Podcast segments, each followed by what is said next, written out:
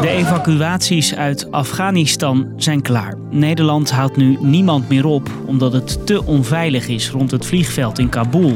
Maar lang niet iedereen kon op een vlucht komen. Drommen mensen stonden nog aan de poorten van het vliegveld toen de laatste toestellen opstegen. Een chaos. Afschuwelijk, hè? Ik ga er bijna wel voor is, dat is zo verschrikkelijk. Dat is zo verschrikkelijk. Waarom bleef de ene persoon daar staan en mocht de andere gaan? Langzaam wordt daar meer over duidelijk. Ik ben Marco en vandaag vertel ik je wat we weten over hoe Nederland koos wie ze weghaalde uit Kabul. Lang verhaal kort. Een podcast van NOS op 3 en 3FM. Taliban fighters have taken down the flag of Afghanistan. Sinds de Taliban de macht greep, proberen heel veel mensen weg te komen uit Afghanistan. Nederland haalde voor dat moment al 111 tolken op met hun gezinnen. En vanaf die machtsovername worden zo snel mogelijk meer mensen geëvacueerd. Zoals deze jongen. Ja, blij mee. Maar op zo'n vlucht komen, blijkt uit verhalen van evacuees, is een hel. I passed a hell. I have passed a hell to reach them. De Taliban laat niet iedereen door op wegen naar het vliegveld. Er wordt geschoten, mensen worden mishandeld. Landen proberen daarom ook op allerlei geheime manieren evacuees op te halen. Maar eenmaal aan de poort van het vliegveld lukt het velen ook niet om bij een vliegtuig te komen. Als wij dan naar binnen willen lopen, worden wij met de zweep geslagen en er wordt geschoten. En ik probeer met mijn handen de oren van mijn zoontje dicht te houden en zijn ogen kijken dat hij niet bang is. Duizenden mensen staan uren, dagen met angst en beven te hopen op een plekje in een vliegtuig. Op elkaar gepakt voor de hekken van het vliegveld van Kabul. Het werd met het uur moeilijker om op dat vliegveld te komen. En helemaal daar was er ook een selectie. Wat weten we over wie Nederland doorliet? Het kabinet wilde in eerste instantie alleen mensen met een Nederlands paspoort en tolken ophalen die militairen hielpen op de missie in Afghanistan. Maar de Tweede Kamer wilde meer. Mensen uit Afghanistan hebben ons leven aan te danken. Dat zeggen al die veteranen ook. Die komen gewoon op dezelfde manier uh, als de tolken worden behandeld naar Nederland. Uiteindelijk worden onder druk van de Kamer ook koks, bewakers, chauffeurs, journalisten, mensen die voor mensenrechtenorganisaties werken en vele anderen opgehaald. Eén probleem: Nederland weet niet precies wie er allemaal hielpen op missie, vertelt politiek verslaggever Nienke de Zoete. Veel Kamerleden hebben ook contact met de mensen ter plaatse. Er is ook veel woede en frustratie. Er was in 20 jaar tijd slechts één lijst van tolken die vier jaar hebben meegewerkt, volgens de Volkskrant. Het ministerie moest vertrouwen op bijvoorbeeld meldingen van militairen en veteranen. Zij gaven namen door met wie ze gewerkt hebben en die kwamen op een evacuatielijst. Volgens de PvdA en D66 heeft die discussie en administratieve rompslomp veel tijd gekost. De vraag is natuurlijk, zijn we op tijd begonnen? En mijn indruk is dat er echt kostbare tijd de afgelopen weken verloren is gegaan. Als blijkt dat er nu nog tolken zijn die eigenlijk al veel eerder naar Nederland hadden kunnen uh, halen, dan heb ik uh, wel zeker een stevig gesprek met de minister van Defensie. Als je op de evacuatielijst stond, dan kon je ook nog niet meteen doorlopen naar het vliegtuig. De lijsten van evacuees werden met een USB-stickje naar de militairen bij de poort gebracht omdat het internet daar te slecht was. En ook dan mocht je niet zomaar doorlopen.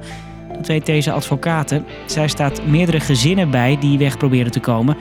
En die merkte dat regels ter plekke veranderden. Hoe mensen dan vervolgens gedwongen werden om te kiezen tussen hun familieleden.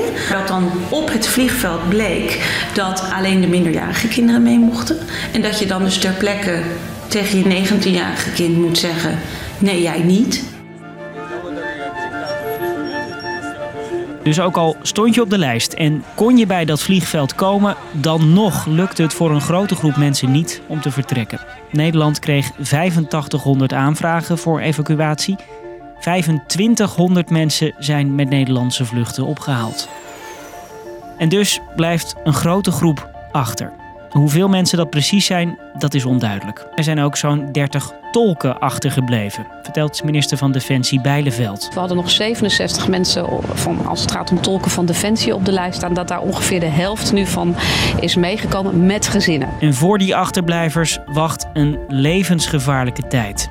Netwerken die contact hebben met Afghanen ter plekke zeggen dat mensen die westerse soldaten hebben geholpen al worden opgezocht. Dat kunnen politici zijn, uh, culturele figuren, journalisten. Die hebben gewoon strijders aan de deur gehad. Bij hun broer, bij hun werk. Die werden duidelijk gezocht. Dat mensen die Nederland hebben geholpen op missie nu niet veilig zijn, dat is echt heel pijnlijk, zegt de advocaat die de Afghanen bijstaat. Ik vind het echt een zwarte pagina in de Nederlandse geschiedenis. Ik denk dat als we dit gaan evalueren, dat dit op het niveau van Srebrenica gaat zijn wat we daar nu hebben laten gebeuren. En wat voor hoop is er dan nog voor die achterblijvers?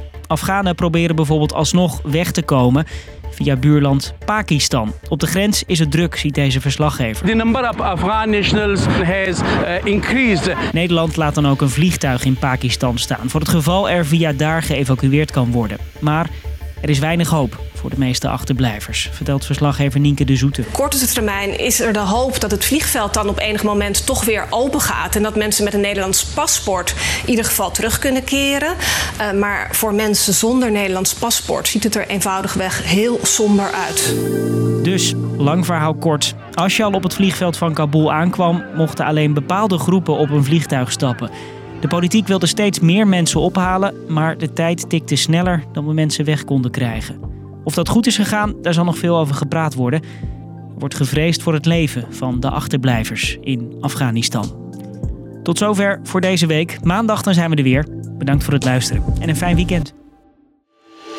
3FM Podcast. Hey, ik ben Sofie Frankemolen en ik heb een raadsel voor je. Wat hebben een rockster en een scheikundige met elkaar te maken? Helemaal niks. Maar samen hebben ze onze wereld veranderd. Luister nu naar Bijvangst, een podcast over toeval in de wetenschap. Over vinden waar je niet naar zoekt. Ik bedoel, LSD, de magnetron, Viagra. Het waren ooit allemaal toevalstreffers en zetten onze wereld op zijn kop. Die onverwachtheid, iets vinden wat je niet van tevoren had kunnen bedenken. Happy accidents, dat kan de hele wereld veranderen. Ga je mee op ontdekkingsreis? Je vindt Bijvangst in de 3FM-app op npo3fm.nl of via je favoriete podcast-app.